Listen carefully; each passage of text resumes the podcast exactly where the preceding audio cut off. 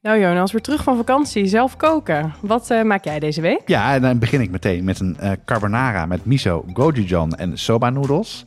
Okay, okay. uh, op dinsdag maak ik een salade van gerookte makreel, rode briet en radijs. Op woensdag maak ik korma met negen juwelen. Interessant. op donderdag Franse kip met zwarte olijven, artichok en aardappels. En op vrijdag de bibimbap van Nick Toet. Dat klinkt uh, allemaal heel interessant, maar op maandag is het wel heel fusion. Carbonara met miso. Ik denk dat een, uh, uh, een Italiaan zich omdraait in zijn graf. Heb je dit op TikTok gezien? Dit heb ik zeker op TikTok Ja? gezien, ja, absoluut. wat viel mij op, we hebben het eerder gehad over de Big Mac tacos. En toen zei ik al, ik maak het eigenlijk nooit zo vaak, dingen van TikTok. Ja, de ja. keren dat mijn vrouw ermee kwam, was het toch vaak niet zo lekker. Oké. Eh, weet je, de- ik kan me nog een ding herinneren met feta uit de oven. Het was En die echt, feta pasta. Ja. ja, die, ja, Ja. die was echt niet lekker, Ja. vond ik. Maar dit, eh, eh, dit, dit, heb ik, dit zag ik en ik, nou, dit lijkt me echt ook wel lekker. En ik was ook wel geïntegreerd. En die Big Mac tacos, dat was een hele grote hit. Heel Ja. veel mensen hebben die op de site naar het recept gekeken. Op Instagram hebben Ja, een post ja. gedeeld. Dat is volgens mij eh, door 50 mensen geliked. Ja. Denk, ah ja, misschien vinden mensen het toch leuk. Dus ehm, ik heb hem gemaakt. In feite is het gewoon een carbonara. Eh, maar je vervangt dus de, de noedels voor soba noedels. Die zijn veel wat dikker en veel glibbiger. Dus dat is meer aan de Aziatische kant. Eh, carbonara is inderdaad gewoon spek met, eh, met ei en parmezaanse kaas. Eh, dat zit erin en daar voeg je eigenlijk een aantal andere dingen aan toe. Eh, waaronder gochujang, de pasta, Ja. de Koreaanse pasta. Daar gaan twee eetlepels doorheen. Dus ik heb er één eetlepel gedaan en één eetlepel miso. Ja. En wat lenteuitjes en wat knoflook extra bij. En het was echt ontzettend lekker. Klinkt goed. Wel, eh gochujang, is dat heel spicy of valt dat mee? Ja, dat kan best wel spicy zijn. Ja. Ja. dus ik heb daardoor... Je komt ook wat gerechten tegen waarbij er ook miso in zit. Ja, En dat heb ik een beetje gedaan. dus en, eh, eh, dat mix je. Dan heb je en een beetje die spice en misschien dat zoutige wat je normaal van, van spek hebt. ja, dus op de bank kwam het commentaar... Dit vinden we wel heel erg lekker. Oké. Maar ik vind carbonara nog lekkerder. Ja. Maar ik zou zeggen, probeer het zeker. Want het geeft, geeft een extra draai aan het gerecht. En vooral die, die, die soba noedels waren, waren heerlijk. Nou, klinkt goed. Ik zie ook een eh, ander Aziatisch gerecht staan, de bibimbap van Nick. Ja? Eh, wat zijn nou belangrijke smaakmakers in deze keuken? Ja, klopt. En bibimbap, dat is echt een Koreaans gerecht. Dat is van, eh, van Nick Toet. Dat is heel erg lekker met heel veel groenten. Echt comfortfood. En dit zijn vooral namelijk Koreaanse gerechten, net zoals de, de, de carbonara met, eh, met gochujang. En daar zitten dus een aantal smaakmakers in. En het is vaak als je zo'n nieuwe keuken gaat uitproberen. En gochujang kom je heel erg veel tegen Ja. tegenwoordig, zeker op TikTok. eh, lijkt het vaak ingewikkeld, maar het is relatief heel simpel. Want je hebt maar een paar dingen echt nodig. Je hebt veel knoflook zit er vaak in. Die pasta, dat is een soort van... eh, het lijkt een beetje op miso, maar dan met, met Ja, chili-vlokken. Een beetje donkerrood is Donkerrood. Ja. Heeft heel ja. erg veel smaak. Ja. Eh, vaak hebben ze ook nog pepperflakes, Korean pepperflakes en sesamolie. Dat zijn de dingen die je in veel gerechten terugziet. Ja. Als je dat hebt, dan, eh, dan kan je het eh, heel goed zelf maken. Heb je een soort basiskit om Ja. met Koreaanse gerechten aan de slag te gaan. En bibimbap, dat is toch zo, eigenlijk zo'n soort bakje met van alles. Zo Ja. zie ik het altijd voor me. Dus soort van nog toppings met wortel, et cetera. Echt zo'n heel bakje vol. Ja, dus het is Ja. eigenlijk het, is, het is een bak met rijst. En daar, Ja. Daar eh, arrangeer je dan je groenten overheen. Ja. Dan doe je dan eh, gebakken ei bij. En dan eh, wat saus met onder andere gochujang. Ja. Dat mix je helemaal door elkaar heen. Dat is echt ontzettend lekker. Dus, Lekker. ja. En maak je dan alles zelf daarvoor? Heb ik in het verleden wel gedaan. Doet Nick, doet Nick wel. Die Ja. maakt zijn eigen bulgogi saus bijvoorbeeld. Waarmee hij de rund maakt. Daar ben ik eigenlijk een beetje mee gestopt. Want je kan die dingen echt heel goed in potjes kopen. Ja. Dus eh, ik zou zeggen, eh bulgogi is ook onwijs lekker. Het is vrij simpel. Het is het marineren van rund in die saus. Ja. En dan eh bakken in de pan of de barbecue.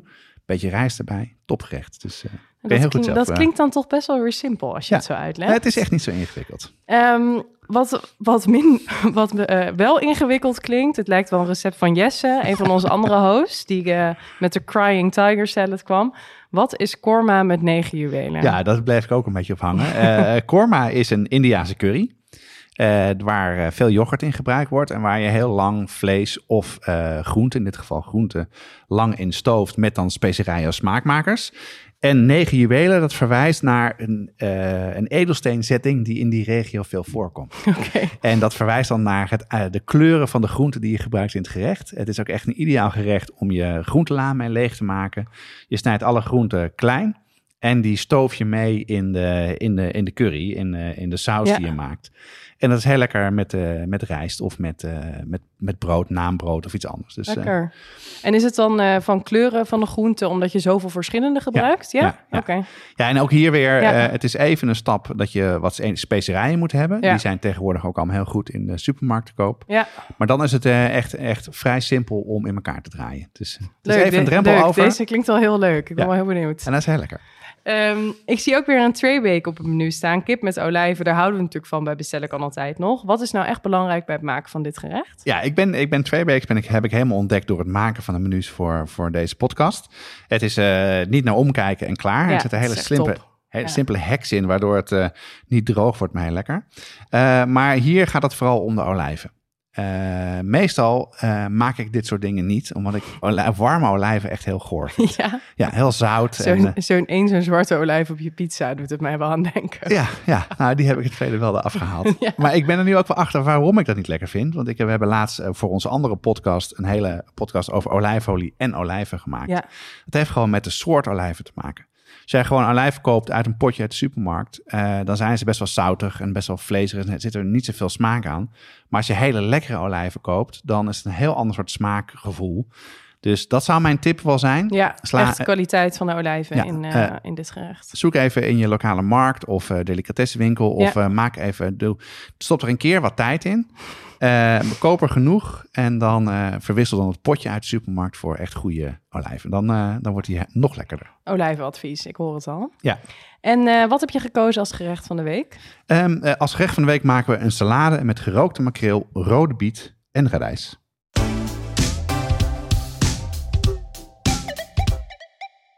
Op onze site hebben we ruim 400 recepten staan, maar voor meer dan 200 ingrediënten moet je toch echt even naar een speciaalzak gaan of een toko.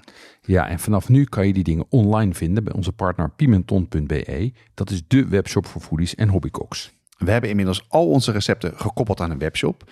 Bestellen gaat dus heel makkelijk. Het is alleen klikken op een link in de ingrediëntenlijst. Ja, en Pimenton zit in België, maar bezorgt in de hele Benelux voor 3,95. Ga naar pimenton.be om te bestellen. Ja, dan eh, kom je terug van vakantie en is het eerste wat je kan eten een salade met gerookte makreel, biet en radijs. Ja. Vertel eens. Ja, nou dat is ook. Ik heb dan eh, vaak eh, behoefte aan echt weer zelf koken. op een of andere manier lukt het me dan wat minder in vakantie om eh, plekken te hebben waar keukens zijn en Ja. waar ik echt zelf aan de slag ga. Ja, het is altijd Eh, wel weer fijn. Om Ja, gewoon... we hadden nu een appartement, was de keuken echt te vies. Het is echt. Eh, eh, maar ik heb dus dan ook heel veel zin om zelf te koken en, en, en, en vooral veel groente te eten, want dat zit hier ook veel in. En, eh, en we houden zomaar een klein beetje vast. En ik vind gerookte makreel heel lekker.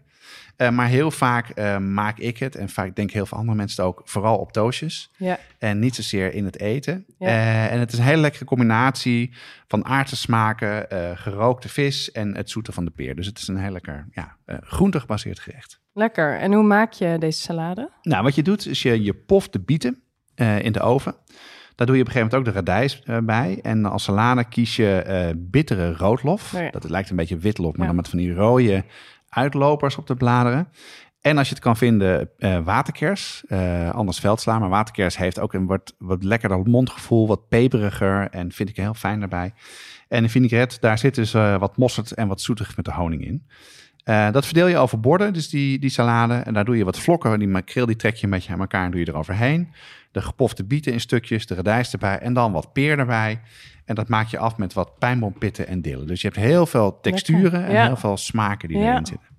Eh, klinkt heel goed. Ehm, en eh, de bieten, die pof je dus. Ja. Waarom doe je dat? Want Ja, dat je hebt vind het ook gewoon die in dat plasticje in de supermarkt. Ja, echt eh, overslaan. Ja, Ja, overslaan het is zo simpel. Je pakt gewoon bieten. eh, die zijn Ja. vaak ook veel goedkoper. Ja, Eh, die, die wikkel je in aluminiumfolie. Daar kan je nog wat smaakmakers bij doen. Die duw je in de oven en daar kijk je niet naar om. ja. Dan wordt het zacht. Het stooft zich in, de, in zijn eigen vocht. Daar verandert ook de smaak een beetje. Hij wordt hier wat beetje rokeriger, maar ook wat, wat zoeter. Ja. En dan kan je het gewoon laten afkoelen.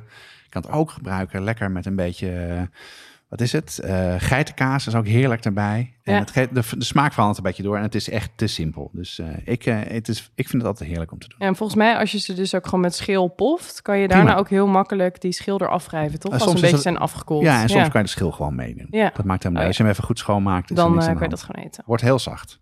Hoe zit dat eigenlijk met die gerookte makreel? Dat is toch wel heel vissig altijd. Dat is een beetje you love it, you hate it, volgens mij. Dat is zeker met, met verse makreel. Dat is Ja. best wel een hele eh, olie, eh, Uitgesproken. olieachtige vis. Is wel heel goed voor je. Er zitten heel veel eh, goede stoffen in die in die vis zitten.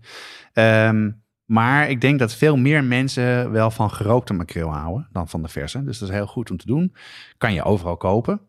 Het grappige is dat als jij het koopt in de, in de supermarkt, dan heeft, heeft die vis vaak een, een soort gerimpelde vel. Als je daarnaar kijkt. En dan is hij warm gerookt. Heet hij eigenlijk gestoomd. Ja, hij lijkt een beetje, een beetje ingedroogd dan, soort van, omdat hij, eh, door dat velletje. Ja, ja, Ja. dus dat, eh, en dat is dus, eh, die is eigenlijk warm klaargemaakt, zoals je paling ook rookt. Ja. En je hebt ook gerookte makreel. Eh, en dan wordt het iets anders gemaakt. Dat is eigenlijk hoe je eh, bijvoorbeeld gerookte zalm maakt. Ja, Dan gaat hij eerst in een pekelbad en dan rook je hem koud. En die herken je aan dat het een hele strakke huid heeft overheen. Dat Ja. vind je wat meer bij, bij, bij vishandels, wat moeilijker te vinden. Ehm, qua smaak denk ik hetzelfde, maar ik zou het zeker uitproberen als je het eh, nog niet gedaan hebt. Het is echt, echt heel lekker. Ja, het klinkt als heel veel lekkere smaken bij elkaar, maar dit is niet echt een hoofdgerecht. Nee, het is meer een salade Ja. eh, die je best wel wat kan vullen. Ja. Maar, eh, dus ik zou zeggen, eh, maak een soepje erbij als voorgerecht. Het is heel snel klaar. Dus eh, je kan er een prima iets extra's bij maken. Ja. Maar ik denk ook aan, aan wat brood wat je even in de nat Ja. maakt in de oven doet. Dat het kn- lekker knapperig en warm wordt. Ja. Dat is er prima bij. Dan heb je volwaardige, volwaardige maaltijd. En verder heb ik op de vakantie al genoeg gegeten. Ja, dus even dus wat is, minder eh, na de dit is de vakantie balansdag. Is, is prima. Nou, het klinkt super lekker en ik ben vooral benieuwd naar die negen juwelen. Dus daar ga ik toch eh, ook nog even induiken. Het hele menu met links naar recepten staat in de omschrijving van je podcast-app. Als je nou een van deze gerechten van het menu maakt, zet het op Instagram en tag ons. Met bestellen kan altijd nog. Vinden wij leuk. Dit is een productie van Wat Schaft de Podcast. Volgende week zijn wij er weer met een nieuw menu en een nieuw weekgerecht. Wat er dan geldt, bestellen kan altijd nog.